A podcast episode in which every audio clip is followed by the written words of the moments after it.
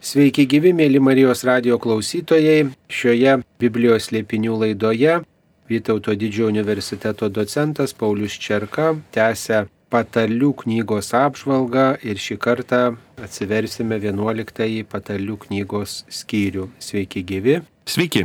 Taigi, 11 patalių knygos skyrius. Gal pradžioje reikėtų keletą įžanginių pastabų, tiesiog pasakyti apie šį skyrių, kad čia turbūt bus aptariamos tikriausiai svarbios visai žmonijai dorybės arba jų priešingybė įdos. Taip, mes kalbėsime apie išmintį, kaip jinai pasireiškia praktiškam gyvenime. 11 skyriaus pirmoji eilutė prasideda taip. Neteisingos svarstyklės yra pasibjaurėjimas viešpačiui, o sažiningas varstis jam malonumas. Štai viena dorybė sažiningumas. Antroji eilutė - puikybė lydi gėda, o išmintis eina su kukliaisiais. Dorųjų sažiningumas juos veda, o klastinguosius suktumas pražudo. Taigi, trys eilutės, trys dorybės - sažiningumas, puikybės priešingybė turbūt nuolankumas arba čia prieš pastatoma puikybė išmintis ir suktumas, kas turbūt irgi būtų įda, bet taip sakant, priešingybė arba dorybė šiai įdai, tai yra vėl tas pats sažiningumas arba dora, turbūt taip sakytume. Taip, ir jeigu pradėsim nuo pradžios, šiek tiek apsistosim pačioj pirmoji lūtėj apie neteisingas varstyklės, kurios yra pasibjaurėjimas viešpačiui. Kalbama apie komercinę praktiką, priekybą, apie na, nusukinėjimą, gudravimą, nesažiningumą komercinėje praktikoje Ir čia mes susidurėm su neteisingomis svarstyklėmis, o sekančiai lūtėjai skaitome apie sąžiningą svarstį, pažodžiui, tobulas akmuo. Reiškia, tais laikais sverdavo akmenimis, kurie būdavo įvardinti kaip tam tikrą svorį turintis ir šiais laikais, kai yra elektroninės svarstyklės, jaunimas turbūt nėra susidūręs, bet vyresnė karta puikiai mes turbūt pamenam, kai būdavo tokie svaršiai, ten 5 kg, 1 kg, ant jų būdavo parašytas svorio vienetas ir jis būdavo tas matmo, pagal kurį sverdavo. Ir vėlgi pasitaikydavo tų gudryšių, ten pragrėždavo tas varstį, pakeisdavo jo svorį, visai kaip jį pakeisdavo, išorė likdavo lik ir ta pati, dydis lik ir tas pats, bet iš tikrųjų gudravimas įsiveldavo ir šiek tiek atrodo, na, nedaug tų gramų pakoreguodavo, bet taip atsitikdavo. Ir pirmiausia yra įdomu tai, kad tarytum mes susidarėm tokius dalykus, kurie toli nuo šventyklos, toli nuo religinio gyvenimo. Tai yra kasdienybė.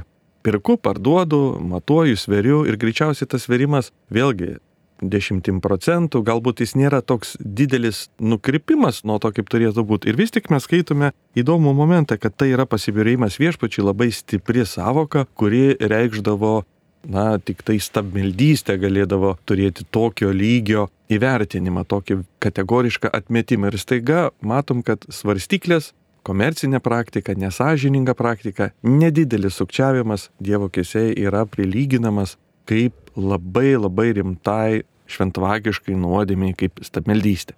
Tai šiuo atveju šiek tiek turbūt netikėtas toks posūkis, ar ne, nes matom, jog būtinėme, kasdieninėme gyvenime mes susidurėme su dalykais, kurie yra ypač aktualūs ir svarbus Dievo kėse. Tai viena, dabar kita, kaip mes galim tą pritaikyti vidiniam gyvenimui. Suprantama, kad sąžininga komercinė praktika yra tai, ko Dievas nori, bet kalbant apie tuos svarčius ir apie tai, apie tą tobulą akmenį, yra šiek tiek žaismo, nes mes susidurėm kaip apie patį svarstį, svorį panaudota labai įdomiai, kaip tobulas akmuo. Ir reiškia, tai, kas užrašyta ant svarščio, atitinka tai, kas yra jo viduje. Išorė atitinka vidų, tokia yra idėja. Jeigu tas klastingos svarstyklės yra deklaruojamas vienas svoris, o iš tikrųjų kitas, tai tobulas akmuo atvirkščiai. Išorė atitinka vidų, Ir čia turbūt prisimintume be galo daug kritikuojama Evangelijose fariziejišką veidmaniškumą, kuomet žmogaus gyvenimo išorė yra deklaruojama kaip sunkus svoris, kaip dvasingas gyvenimas, bet iš tikrųjų viduje to nėra. Ir pats žmogus tampa tuo svarščiu ant Dievo svarstyklių, kuris apsimeta kitu nei yra. Ir šiuo atveju įdomu, kad nors patarlę mes pradėjome nuo kasdienybės gyvenimo, ją mes taip pat pasimokom ir apie savo dvasinį gyvenimą, jog mes esame tie svaršiai, Ir jeigu užsirašome savo, priskiriame savo, apsimetame tais sunkiais, dvasiniais svaršiais, iš tikrųjų Dievui toks veidmaniškumas, ką Kristus įvardino kaip pagrindinė įda fariziejiško pamaldumo, tas apsimetinėjimas žmonių akise. Na ir čia būtų kaip ir kalbėtų kalba apie tai. Gal dar vieną tokią išvalgą galima čia atrasti, kad neteisingos svarstyklės tai yra melas ir dėl to, kad tai yra melas, Dievui yra nepriimtina, nes Dievas yra tiesa ir jis traukšta, kad ir žmogus tiesos siektų, tiesos ieškotų visose srityse. Taip, vienareikšmiškai. Šiame skyriuje turbūt vis bus pasikartojantis tas sažiningumo motyvas. Štai ir trečioje eilutėje dorųjų sažiningumas juos veda, o klastinguosius suktumas pražudo. Ir vėliau doro žmogaus teisumas išlygina jo kelią, sažiningųjų teisumas juos gelbsti ir taip toliau. Ar galima sakyti, kad čia kalbama ir apie tai, kad nuodėmė, kai žmogus renkasi melą, atveda į pražūtį? Taip, ir autorius čia mums šiek tiek pristato, kad tarytum pati nuodėmė ir pats teisumas yra aktyvūs veikėjai. Jie lyg ir veda ir vadovauja. Ne tik mūsų polygiai nėra teisūs ar neteisūs, bet tarytum tam tikra jėga, tam tikras ryškinys, kuris patį žmogų, jo gyvenimo sprendimus įtako ir veda. Ir lygiai kaip nuodėmė gali užvaldyti, na, nuodėmingumas prie jo galima priprasti. Ir sunkiai žmogus gal jau ir nebenori tam tikrų pasirinkimų, bet tarytum inercijos veda. Paradoksalu, kad kažkas panašaus yra ir su teisumu. Ir viena ir kita yra, na, tam tikras tarytum mūsų vedlys. Ir čia aš gal dar antrą eilutę pastebėčiau, va, puikybė lydi gėdą, o paskui kliuosius ateina išmintis. Daug kartų ir šis požiūris bus tam tikro požiūrio, tam tikro nusiteikimo. Ta puikybė, na, išversta iš tikrųjų tai yra tam tikras pasiputimas, pasikelimas, pats žvilgsnis, net ir hebrajų kalboje, reiškia, ta puikybė kartais yra perteikiama kaip aukštas žvilgsnis. Reiškia, žmogus turi pats labai didelius planus apie save, labai menkina kitus, Ir paradoksalu, kad dažniausiai labai daug užsibrėžusiam žmogui, tarytum jam turėtų pasisekti atvirkščiai. Mes galim pasakyti, jo laukia nusivylimas, jis nedekvačiai įvertino savo jėgas. Išmintis yra pas tuos, kurie kukliai planuoja, nešaukia garsiai, nedeklaruoja savo didelių planų, bet santūriau įvertina savo jėgas, tačiau daro juos. Daro ir tarytum tokia strategija yra išmintingesnė na, šiandien populiaru yra kalbėti apie pozityvumo naudą, bet hiperpozityvumas jis kaip tik įveda mus į tam tikrą nedekvatumą, jėgų apsiskaičiavimą ir rezultate projektas, kas už to, kad jis labai didelis, jeigu jis yra neužbaigtas. Gali kilti klausimas, o kodėl lydi gėda, jog tas, kuris yra išpuikęs, jisai didžiuojasi, kur yra tas gėdos čia aspektas, kai, reiškia, didžiuojasi žmogus savo pasiekimais arba savimi, tai kodėl jis turėtų gėdytis? Ar čia dėl to, kad patiria vėliau nesėkmę? Jo, čia būtent tas puikybės atvesta nesėkmė, ji ir yra ta gėda. Reiškia, kitaip tariant, puikybė turi labai didelius lūkesčius, labai didelius aspiracijas, pavadinkim. O kadangi tai neįvyksta, na, natūralu, visada yra gėda, kai tu deklaravai, kad padarysi labai daug, o nieko nenuveikiai. Taip, durųjų sažiningumas juos veda, o klastinguosius suktumas pražudo. Ketvirto eilutėje skaitome žinę apie turtus. Atpildo dieną turtai nepadės, o teisumas gelbės nuo mirties.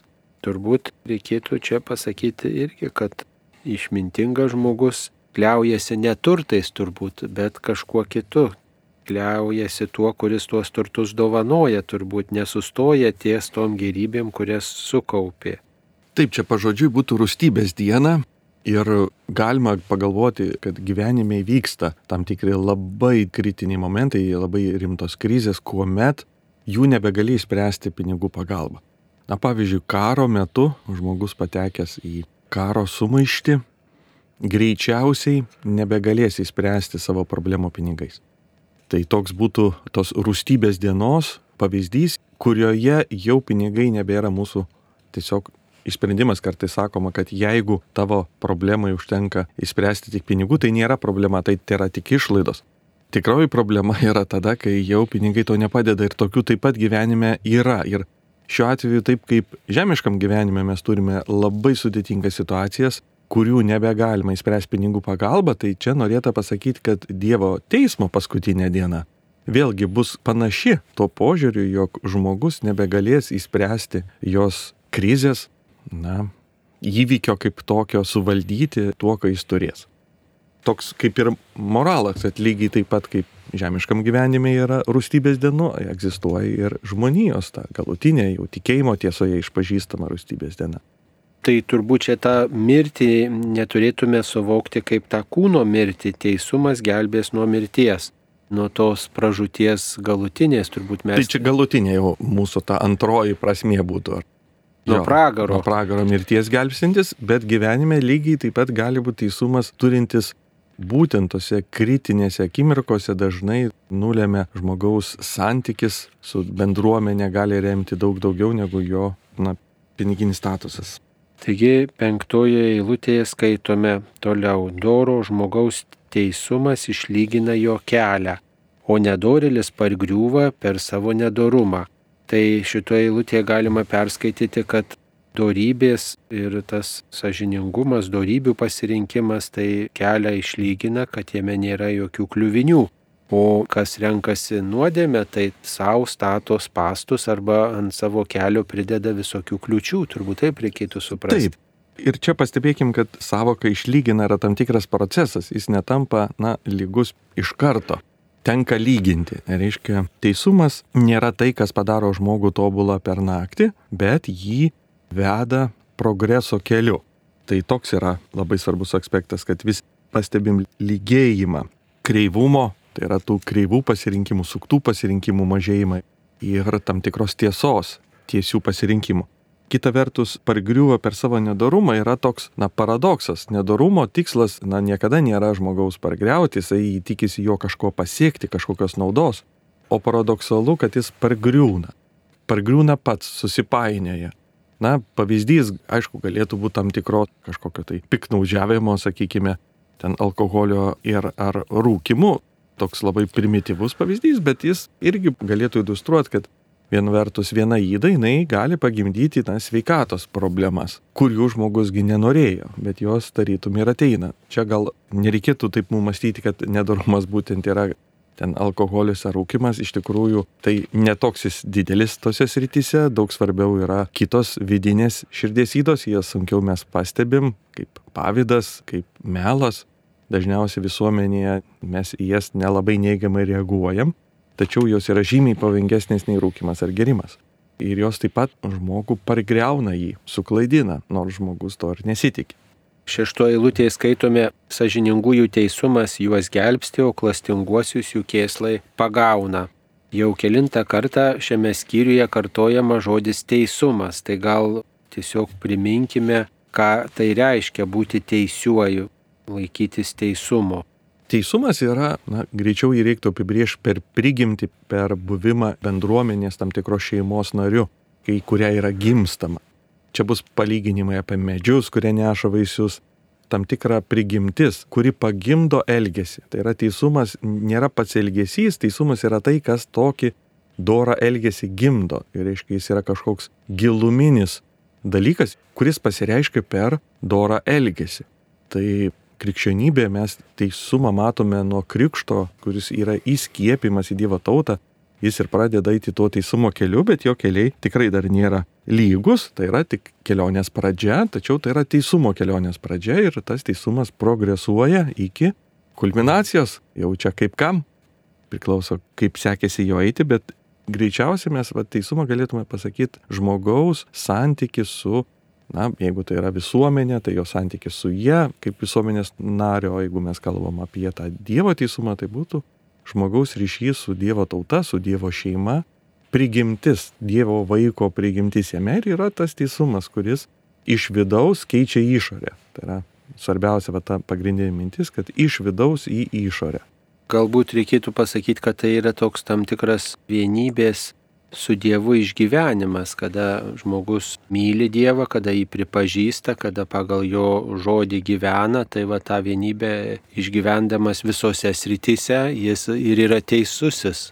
Taip, o jeigu ta vienybė yra pažeidžiama, suklumpant, tam yra vėlgi siekis ją atkurti. Taigi sažiningųjų teisumas juos gelbsti, o klastinguosius jų kėslai pagauna. Tas, kuris yra teisus, sąžiningas, tas neturi klastos, nes klasta kitiems neišvengiamai atsisuks prieš patį žmogų. Turbūt taip reikėtų suprasti, taip. kaip ir patarlė senoji sako, ne kas kitam duobės, nes pats įkrisi. Būtent. Taip, septintoje eilutėje skaitome, nedoro žmogaus viltį su mirtimi pražūva, į turtus sudėta viltis niekais nueina. Teisusis žmogus ištraukiamas iš vargo, o nedorilis užima jo vietą. Taigi, nedoras žmogus, na, rizikuoja tikrai pražūti, ne tik tai tą fizinę prasme pražūti, bet ir tą dvasinę prasme, apie ką jau šiek tiek ir kalbėjome. Devintoje eilutėje skaitome savo burna bedievis žmogus kaimynui prapultis, o teisėjai išgelbstimi sumanumu. Na čia supriešinami tokie du skirtingi dalykai, sakyčiau. Bedievis žmogus, tas, kuris netiki, kuris atmeta Dievą, kaimynui neša grėsmę. Nu, matyt, norima pasakyti, kad mes, tie, kurie atmetame Dievą, keliam pavojų ne tik savo, bet ir tiems, kurie yra šalia mūsų kažkokiu būdu reiškia tas, kuris teisusis, tai reiškia tas, kur tiki Dievą, va išgelbstimi sumanumu. Kuo čia dėta sumanumas, bedievis ir sumanumas, ar čia yra priešingi dalykai ir kaip reikėtų suprasti. Čia tik galima pasvarstyti, bet gali būti, kad prieš pastatymas yra vieno patarimai, tai kai savo lūpomis pataria, tai pražudo jo, sakykime, artimą, jo kaimyną, tą, kuris kreipiasi kažkokios pagalbos.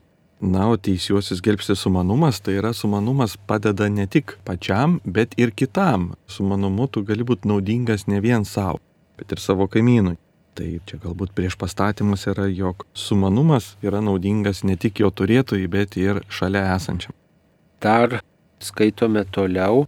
Dėl teisiųjų sėkmės džiūgauja miestas, o nedorėliam žuvus šaukiama iš džiaugsmo. Taigi džiaugsmas ir liūdėsys. Nors kita vertus, džiaugsmas visada reiškia palydį, palydį žmogų. Šiuo atveju šito eilutė perskaitome dėl sėkmės džiūgaujama, o paskui džiūgaujama vis tiek dėl nesėkmės. Tai čia tai turėtų būti atvirkščiai, reiškia dėl sėkmės džiaugtis, o dėl nesėkmės liūdėti.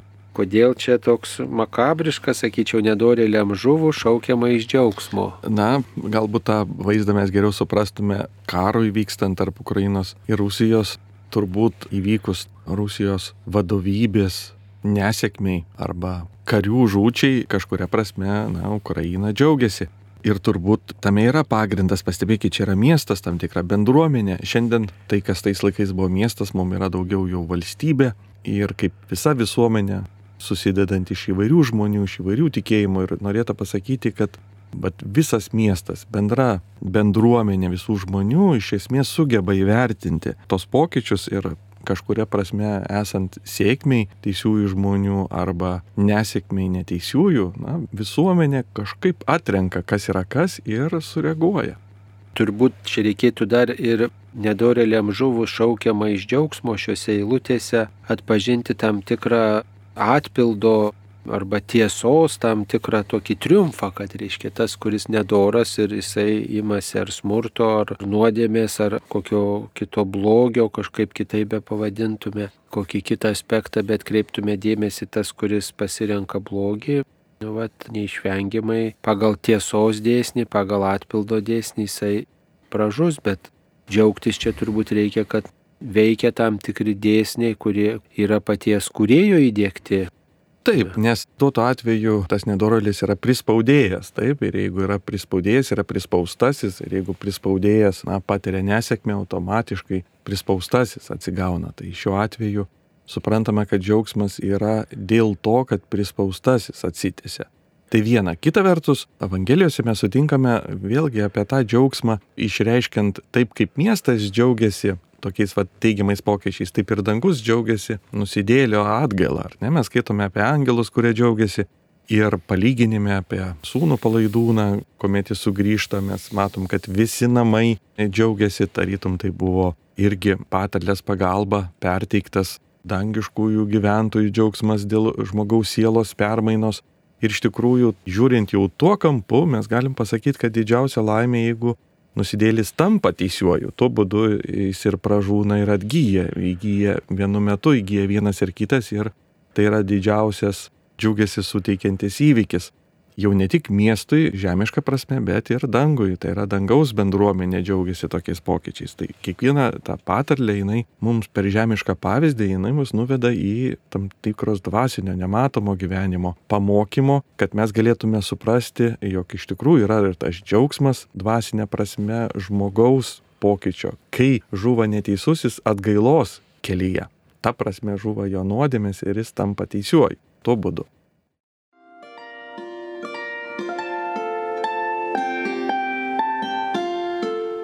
Jūs girdite Marijos radiją.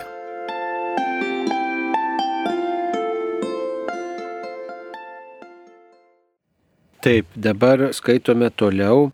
Dorųjų laiminimų miestas yra statomas, o nedorėlių burna greunamas. Čia tikriausiai turima galvoj ne tik tai žodžio tarimas, gerą linkėjimas arba blogą linkėjimas, bet turbūt ir tokiu būdu apibūdinami mūsų ne tik žodžių pasiekmės, pasiekimai, bet ir kažkas dar daugiau. Taip, čia vėl mes grįžtame prie tos pačios idėjos, jog žmogus, jei jis yra teisumo kelyje, jis yra naudingas ne vien savo, bet ir visai visuomeniai. Šiuo atveju miestas, visuomenė, bendruomenė, valstybė gali džiaugtis ir bendra gerovė padidėja. O neteisusis jis net ne tik savo darbais, bet net savo idėjomis, savo žodžiais, tai yra idėjų pasaulis, net ir jomis jis neprisideda prie statymo, prie bendros gerovės.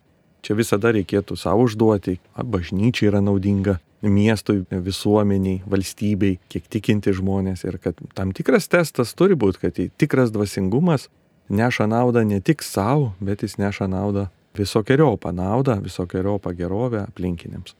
O ar čia neturima galvoje kartu ir tas dangaus karalystės miestas ir tas buvimas dangaus karalystėje, kai renkuosi gėrį, renkuosi dorybę, tuomet ne tik tai šio pasaulio gerovę keliu, bet ir kartu tą statau dangaus karalystės miestą o nuodėmė priešingai greuna arba mano kelią į tą dangaus karalystę arba apskritai atitolina mane.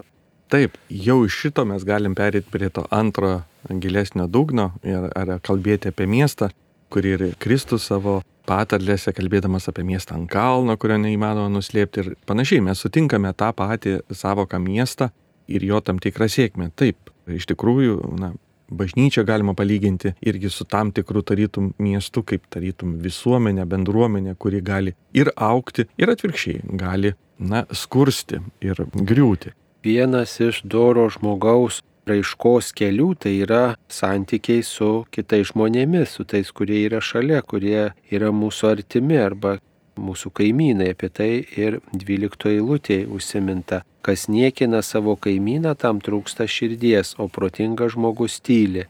Vėl truputį toks netikėtas sugretinimas, pirmoji 12 eilutės dalis gal ir suprantama visiems, kad jeigu niekinam kitą, tai tikrai esam kieta širdžiai, net jaučiantis ir mūsų širdį nėra nei jautrumo, nei švelnumo, nei meilės, bet puikybės šaltis, puikybės toks kietumas, kitą niekinti, kitą atmesti.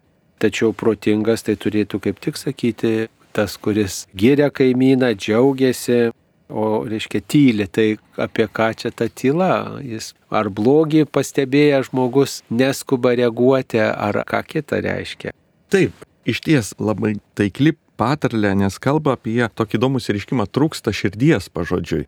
Na, lietuvių kalboje mes taip nesakome trūksta širdies, bet hebrajų kultūroje širdis po tam tikrą nuovoką, mąstymas, įžvalga, na, empatija.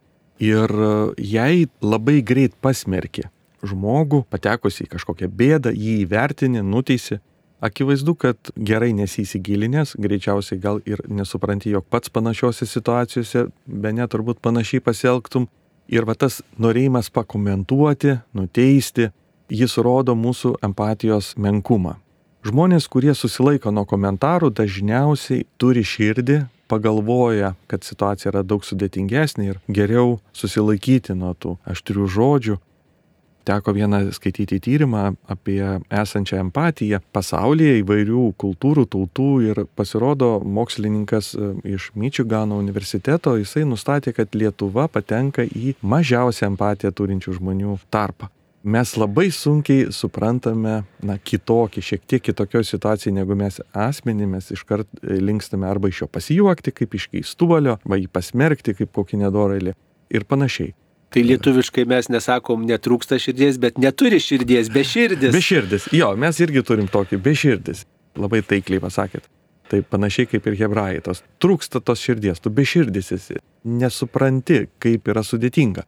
Na čia galim tik pagalvoti, kad per krepšinio varžybas mes tampam visi ekspertai, kai yra neįmetamas kamuolys, dažniausiai visi žino kodėl per vat, ralio varžybas, kurios vyksta, visi gali pakomentuoti, kas ten netai buvo ir tai išduoda, kad visi yra ekspertai, bet e, yra situacijos, kai dera greičiau, gal patilėti. Suprasti, kad viskas yra painiau, sudėtingiau ir greičiausiai mes patys būdami, na, toj situacijai, kažkai ar būtume geriau pasielgę. Tai Šiuo atveju kalbama apie empatiją ir vieną iš jos požymių. Susilaikimas nuo komentarų išduoda, kad žmogus turi empatiją. Taip, ir kuris neskuba teisti, neskuba vertinti, Taip. ar ne, nesijima to Dievo vaidmens, nes neturi visos informacijos. Tik dalį turi, tai tiesiog patyli, laukia, kas bus toliau ir stebi, klauso, svarsto tai, kas vyksta. Tryliktoji eilutė mums taip pat labai tokia suprantama, nes turbūt daugelis su jos aprašyta tikrovė esame susidūrę. Liežuvautojas vaikštinėja išplėpėdamas paslaptis, o ištikimas asmo paslapti laiko. Na tai tas, kuris išduoda paslapti, tikrai įskaudina kitus žmonės. O ištikimybė ir pagarbumas, protingumas paslapti išlaiko. Tai čia turbūt kalbama ne tik tai apie tas paslaptis, kurias, kurias mes vienas kitam patikim, bet ir apie kažką dar daugiau. Na, čia galim pagalvoti apie profesinės paslaptis, kurias jau įstatymu yra įpareigota žmogus saugoti, kaip išpažinties paslaptis, gydytojo, paciento privatumos, paslaptis, kuris susijusi su tuo arba advokato ir kliento paslaptis, taip pat egzistuoja ir komercinės paslaptis, įvairūs išradimai, valstybės paslaptis. Ir čia jau pats įstatymas dažniausiai užtikrina jų slaptumą, bet yra sritis, kur tarytum nėra baudžiamosios atsakomybės ar civilinės atsakomybės apie mūsų tas būtinės paslaptis, gyvenimo istorijų paslaptis, kurias lygiai taip pat dera jau etiniai sumetimai saugoti, ir žmogus, kuris na, nesuvokia to, nesupranta, kaip yra tai svarbu ir jautru, na, išduoda savo tam tikras vat, pažiūras, kad yra paprasčiausias liežuvautojas, neturi to patikimumo, ištikimybės ir juo pasitikėti nebeverta. Tai tam tikras yra testas, kaip mes ne tik elgiame su pinigais, dažniausiai taip patikrinama žmogų, kaip jis moka tvarkyti pinigus, bet kaip mes tvarkome paslaptis, jautrę, subtilę informaciją apie savo artimą, ar mes mokame ją išsaugoti. Tai be galo svarbus charakterio bruožas žmogui. Taip, tai čia ir ištikimybė, ir pagarbumas, ir sažiningumas, ir tiesiog artimo meilė, daugybė čia tokių darybių į tą paslapties saugojimą turbūt įtraukiama. 14 eilutėje pristatoma vadovo pozicija, kur nėra kam vadovauti, tauta žuvo, saugumą laiduoja patarėjų gausumas. Taigi tas, kur nėra kam vadovauti, turbūt reiškia ne tik tai tą fizinį vadovo nebuvimą, bet ir gal tokį iniciatyvos nerodymą, tam tikrą tokį abejingumą, nusišalinimą nuo atsakingų sprendimų, o priešingybė būtų tarti su patarėjais, klausti kitų žmonių nuomonės. Taip, ta žodis vadovauti jis gali verstis kaip vadovavimas, bet gali būti žiūrimas kaip ir į patarimą. Ir ši patarlė kalba na, apie patarimo, pasitarimo ir patarimo svarbą, jog netgi tauta, jei ji nesitarė priimdama tam tikrus sprendimus, net ir jinai pražus, tai ką kalbėti apie paprastą žmogų, kuris gyvenime priima sprendimus nesitardamas ir atvirkščiai. Reiškia, čia norėta parodyti, kad jei visai valstybei, kaip labai galingai institucijai, būtinas yra sprendimų prieimimo procese pasitarimas, tai tuo labiau paprastam žmogui. Mes linkę elgtis pagal save ir kartais būna toks testas būtinis, jau patekę į nežinomą vietą, vieni yra linksta pasiklausti kelio ir jiems negėda, kad jie nežino, taip, o kiti ne, patys geriau jau praleis daugiau laiko, klaidžios, bet nepripažins, kad jiem reikalingas tas patarimas. Čia galim pasijuokti, būtinis pavyzdys, bet jis gali išreikšti ir gyvenimo sprendimų situaciją, kai tu pakliūni į nežinomą situaciją ir nenori klausti šalia esančio pagalbos, kad padėtų susiorientuoti. Iš tikrųjų, na, moralas yra toks, kad net valstybei tai gali baigtis, pavadinkime, kritiškai, vienvaldiškas vieno žmogaus, reiškia, sprendimų prieimimas. Tai tuo labiau paprastam žmogui, kuris yra daug silpnesnis už tautą, jis turėtų suprasti, koks trapus yra ir kaip svarbu yra tartis. Mes net ir su Dievu santykėje dažniausiai esame įpratę suprasti tokią savoką, kad Dievo reikia klausyti. Tai reiškia, Dievas kalba įsakymais, o tu turėjom paklaustas, aišku, yra tiesa, bet egzistuoja tarytum ir kita pusė, kuomet Dievas nori, jog žmogus pats suvoktų, susigaudytų, pats priimtų teisingą sprendimą ir tada jau protingumo darybė jį padeda susigaudyti ir pačiam nuvokti, kur teisingas kelias, o ją jau reikalingas yra pasitarimas. Ir čia yra viena iš šventos dvasios septynių dovanų. Patarimo dvasia mes sakome, yra patarimo dovana, kuomet pats Dievas patarė ir padeda protingumui pamatyti teisingą kelią. Bet Dievo patarimas dažnai būna irgi per žmonės, jog mes pripažintume poreikį šalia esančio tai nėra galbūt labai malonu žinoti, kreiptis pagalbos, bet taip jau sugalvota, kad nei vienas mes nesame savyje. Mums neužtenka mūsų pačių. Mes turime priklausomybę nuo aplinkos ir turime vat, išmokti klausti patarimo. Taip, penkioliktoje eilutėje labai toks įdomus žodis, dabar labai retai vartojamas, bet jis taip pat turi tokią įvairią prasme. Svetimam žiruoti neša žalą, o kas atsisako tai daryti, neturės rūpeščių. Taigi, žiruoti arba laiduoti, turbūt užstoti, garantuoti, turbūt taip. Taip, čia išversti. paprasčiausiai eina kalba apie komercinį tą laidavimą, garantavimą. Mes jau šeštam skyriuje sutikom raginimą nelaiduoti už svetimą, už nepažįstamą. Čia dar kartą tik apibendrinama yra išvada, kuri viena vertus būtiniam gyvenime jinai tikrai pasitvirtina kaip labai nesaugus sprendimas, lengvabūdiškas laidavimas, bet jis mūsų rodo tas svetimas, kuris nuolat bus minimas, yra tarytum, na, nuodėmingumas ir pasaulis. Ir jeigu su juo susitapatini, už jį laiduoji, nuo jo neatsiriboji, jis dvasiniam gyvenime, dvasiniai disciplinoje yra, na, sakykime, labai nesaugi praktika, toks neatsiribojimas, nemokėjimas išsikelti tam tikro atsiribojimo nuo pasaulietiško, tam tikro nedvasinio požiūrio, nedvasingumo, nuo jo reikia atsiriboti. Tai čia viena vertus per žemišką ekonominę pavyzdį mus pamoko ir dvasinės tiesos. Taip, 16 eilutėje kalbama apie moterį. Maloninga moteris pelno pagarbą, o ta, kuri nekenčia darybės, apgaubė gėdą. Na ir vėl netikėta eilutės dalis, drovus žmogus tampa skurdžiumi, o ir šie įsigyja turtų.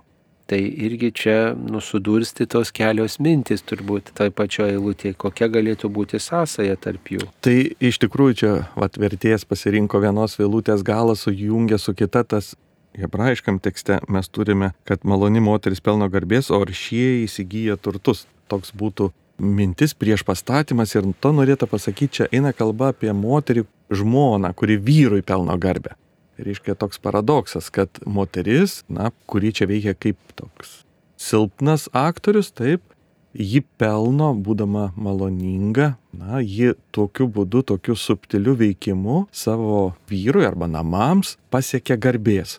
O tie, kas veikia jėga, tokiu primityvumu, tiesmukumu, jie gali gauti tik tai turtų, bet negali pasiekti garbės. Tai yra prieš pastatymas, kaip yra pasiekiama garbė ir vėliau atėjo turtai, o kitu atveju tik turtai, bet negarbė. Reiškia, prieš pastatom du skirtingus paveikslus ir turbūt istorikai, kurie nagrinėja sėkmingų žmonių istorijas, labai dažnai pastebi, kad už kokio tai verslininko, mokslininko ar novatoriaus ar atradėjo dažnai slepiasi galbūt visuomenį mažiau žinoma, bet nemažiau įtakos turėjusi žmona, kuri, galima buvo pasakyti, raktas į sėkmę.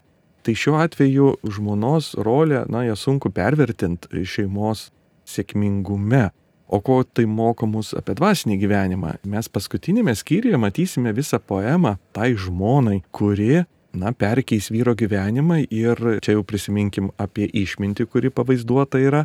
kaip moteris, kurią reikia vadinti seserimi, su kuria tarytum reikia gal net ir sukurti šeimą ir kuri perkeičia žmogaus gyvenimą, taip kaip moteris vyro, taip išmintis perkeičia nesvarbu vyro ar moteris, bet kurio žmogaus sielą, padaro primtiną Dievui, sėkmingą dieviškam gyvenime. Tai čia yra modelis toks, kad išminties veikimas yra panašus į žmonos veikimą vyrui, taip išmintis veikia sielai. Ji nėra tiesmuka, ar ne, toks daug subtilesnis veikimas, tai buvimas kartu, dalinimasis gyvenimo sunkumais ir va tas veikimas iš vien, jis iš tikrųjų padaro ne tik kažkokius tai turtus, bet padaro ir garbingai pasiektus turtus. O jėga, tiesmuka jėga, taip, ji gali duoti rezultatus, bet jie net neš garbės, nebus tie rezultatai tokie, kokie būtų pirmoji atveju. Čia, sakykime, toks gilus vaizdinys, perteiktas šeimos pavyzdžių, bet iš jo mes pasimokom ir apie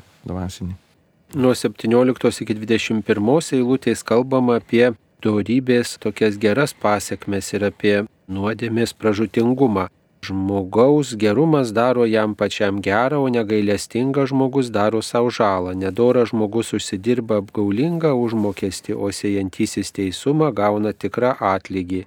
Teisumas yra gyvenimo ramstis, o pikto ieškojimas veda į mirtį. Viešpats bjaurisi sukto širdies žmogumi, o tie, kurių elgesys be priekaišto jam patinka. Būk tikras, nedoras žmogus neliks nenubaustas, o teisiųjų palikonis išsigelbės. Na tai tiesiog vis pabrėžiamas tas gerumo prioritetas, turbūt taip. Šioje vietoje mes pastebim eilę patarlių, mes pastebim tam tikrą teisumo, kurį reikia sėti, o paskui teisumo vaisių mes e, naudojam tarytum žmogus yra medis, o va, tas teisumas yra syvai, kurie jo teka. Čia jau Naujam testamente turbūt tektų mums paskaityti ir iš Paštalo Pauliaus Galato laiško penktos skyrius, jog dvasios vaisius yra meilė, džiaugsmas, ramybė, kantrybė, malonumas, gerumas, ištikimybė. Taip jis kalba apie derlių pažodžiui būtų, arba vaisių vienaskaita, kuri iš esmės yra meilė, bet ją išreiškia mes visais tais jos pasireiškimais, o štai Jokūbas trečiam skyriuje kalba, kad teisumo vaisius siejamas ramybė tiems, kurie neša ramybę. Ir čia vėl mes sutinkame su savoka teisumo vaisių. Įdomu yra, kad trečiam skyriuje Jokūbas ką tik prieš tai kalbėjo apie iš aukštybių kiliausią išmintį, kuri yra tyra, taikinga, maloni, klusni, pilna galestingumo ir gerų vaisių, nešališka ir nuoširdį, o paskui iškart prideda apie teisumo vaisių. Tai panašiai ir čia mes skaitome apie išmintį ir tada pastebime, kad žmonių gyvenime atsiranda tas teisumo vaisius, kurį dera auginti, puoselėti ir jis neatsiranda greitai, jis atsiranda po truputį, panašiai kaip ir medžiaus vaisiai. Nėra greitas dalykas, bet jį užauginus mes jį turim. Tai čia tokį turbūt pastebėjimą galima padaryti, kad teisumas yra gyvenimo gyvybės, tarytum, vaisius. 22-11 skyriaus eilutė, tai sakytume, šitame skyriuje tarsi toks perlas yra, kuris labai gerai įsimenamas ir turbūt daugelį nustebins ir pradžiugins ir net ir pajuokins. Kaip auksinis žiedas įvertas keulė į snukį, tokia yra graži moteris neturintis veikos nuovokos. Taigi keulė lyginama su moterimi kuri neturi nuovokos. Kas ta nuovoka, kuri daro panašią arba nepanašią moterį net į keulę? Taip, iš tikrųjų pagalvokim, kad nors čia yra pateiktas, na, moteris mūsų herojė, tačiau kad, nes mes kalbam apie grožį. Na jau kai kalbam apie grožį, tai suprantama, pirmiausia ateina į galvą pavyzdys moters, o ne vyro. Čia pateiktas yra išorinio grožio ir vidinio grožio kontrastas. Ir aišku, šią tiesą mes galim prisitaikyti, nesvarbu vyrai mes ar moteris, apie mūsų sielos grožį, jog jei mes te turime išorinį grožį, mes tarytum esam kaip koks gyvulys, šiuo atveju keulė savo elgseną tiesiog išpuošta. Ir daug kartų bus ši problema, jinai nuolat keliama žmogaus vidinio gyvenimo, vidinių nuostatų ir išorinių deklaravimų, jog ties patys varšiai, kurie išorėje atrodė sunku su viduje, yra tušti. Taip čia ir mūsų atveju keulė su savo tam tikrų nešvarumu, polinkiu nešvarą, tai būtent hebrajai ją matė, atsimenat, jie keulienos nevalgo, jie atmeta iš principo tą na, gyvūno auginimą, tokio gyvūno jis jam atrodė ypač nešvarus. Ir tokiu atveju mes prisitaikykim savo sielai, ar ne, kad vidiniam žmogui, jog savo viduje, klausimas, kokie mes esame, ar esame keulės, Kartais lietuviai sako, vyrai kaip keulės yra. Turim tokį priežodį, čia šiuo atveju buvo moteris neturinti supratimo. Bet iš esmės tai yra apie tą patį, apie mūsų sielos vidų, jog jis gali išreikšti tuštybę, o išorėje iš tikrųjų būti labai gražus, tarytum tas aukso žiedas įsnukyje, bet tai juk nepakeičia esmės, taip. Manau labai taikli patarlė. Toliau dar vis primenama, kur veda dorybė ir kur veda įdos arba nedorybės. Ko teisų žmonės trokšta, gali būti tik gera, ko nedorėliai vilėsi, sukelia pyktį. Vieni dalyje dosniai, tačiau turtėja, kiti šykštauja daryti, kas teisų ir skursta. Dosnus žmogus praturtinamas, o kas pagirdo kitus, bus pats pagirdytas. Kas kaupia grūdų atsargas, tą žmonės keiks, o palaiminimas galvai to, kuris dosniai juos dalyja. Kas tengiasi daryti gerą, užsitarnaus malonės, o kas ieško piktą, ištiks jį piktą. Žmogus, kuris pasitikė savo turtais, nuvyso teisėjai viešės kaip žali lapai. Taigi čia šitoje ištraukėlėje, tose keliose eilutėse apie turtus kalbama ir atrodo turtus ne tik tai kaupti užduotis yra, bet ir sugebėti jais naudotis, taigi sugebėti dalinti juos. Toks paradoksas, ar ne, jog ar verslas tai būtų, ar organizacija, ar žmogus, kuris sugeba dalintis, nemastyti vien tik apie tam tokią primityvę naudą, dažniausiai ilgalaikiai perspektyvoje pasiekia daug daugiau. Įgyja ir reputaciją, ir tam tikrą sveikumą organizacijai, ir tai jau yra pastebėta ir tiek pat ekonomistų, tam tikras dalinimasis jis būtinas yra, jog būtų na, sveikas augimas ir sveikumas pačio organizacijai. Nors tai yra paradoksas, žmogus duoda, tarytum jis turėtų netek, bet ilgalaikiai perspektyvoje vis tik tai sugrįžta. Ir tas perdėtas rūpinimasis savimi, kuomet tik apie save galvojimas, jis perspektyvai gali pasibaigti tuo, kad ir neišeina savim pasirūpinti. 29 eilutėje skaitome, kas kamuoja savo šeimą, tas paveldi vėją, kvailys yra išmintingųjų vergas. Ką reiškia paveldėti vėją? Tai maždaug nusipelnyti tokį tuštumą, nepagarbą artimųjų ar čia kas kita. Na, šiuo atveju dažniausiai tas kamavimas savo šeimos yra godumo, dažniausiai patarlėse vaizdinys, jog besiekiant turto yra dedamos begalinės pastangos, persidirbimas, paprastai tariant, nuovargis. Rezultate tarytum tu sieki tuo daugiau turto ir tas turtas turėtų likti šeimai, toks lūkestis būtų, kad jeigu žmogus persidirba, tai bent jau to šeimoje būtų gerai. Tačiau gyvenimas mums rodo kitas patirtis, jog dažniausiai vaikai tokioje šeimoje jie neperima tėvų nuostatų, jie būna šiek tiek apleisti, dažniausiai linkia į tam tikras įdas, į blogas kompanijas.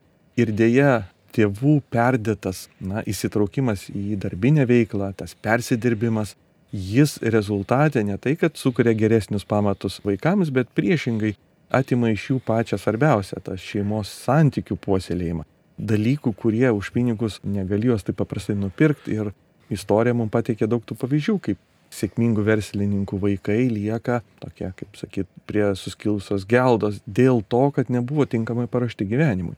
Toks vat paradoksas. Tai čia šiuo atveju tarytum gavosi tas perdėtas darbas, sekinimas savo šeimos, jisai paradoksaliai, reiškia, sukūrė tą paveldėjimo bazę tik tai tuštumą, ar ne vėją. Tai čia toks vėlgi paradoksas, kurį gyvenime turbūt esam pastebėjo, kalbant dar apie tuos turtus, Čia kalbama apie kurias dalina būtent bado metu. Netgi yra ir įstatymais dažnai valstybėje uždraudžiama uždėti perdėtą ankainį, jeigu kyla krizė, karas ar kažkoks nepriteklius. Na, Lietuvoje mes turėjom tam tikrą problemą, kai buvo kaukių sanitarinių, trūkumas ir buvo beprotiški ankainiai. Tam tikrą prasme žmonės norėjo to pasipelnyti. Ir visa visuomenė vertino tai neigiamai. Kita vertus, čia yra aluzija į tą dvasinius turtus, jog bažnyčia jinai turi dvasinius turtus skurstančiam pasauliu, jinai privalo juos nelaikyti savo, privalo jais dalintis. Lygiai taip pat kaip na, paprastai krizės atveju yra pareiga nekaupti savo priešingai kažkaip leisti apyvartą. Taip pat ir dvasinio skurdumo ir alkio atveju bažnyčia turi didelius lobius ir privalo juos skleisti, o ne laikyti juos savo tuo pačiu būdu. Na ir skyrius užbaigiamas taip pat tokia teisio žmogaus gyvenimo apžvalga. Teisus elgesys yra gyvenimo medis, o smurtas atima gyvenimą. Jeigu teisų žmogus žemėje gauna savo atpildą, jo labiau gaus į nedorėlis ir nusidėjėlis. Taip sakant, visi mūsų pasirinkimai turi tam tikras pasiekmes.